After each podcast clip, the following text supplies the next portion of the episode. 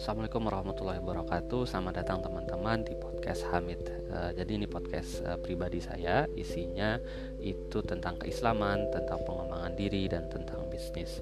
Uh, nanti kita akan formatnya uh, membaca buku, kemudian overview buku, uh, ngobrol dan uh, monolog. Semoga bermanfaat dan bisa menemani perjalanan teman-teman atau waktu luang teman-teman. Sekian, assalamualaikum warahmatullahi wabarakatuh.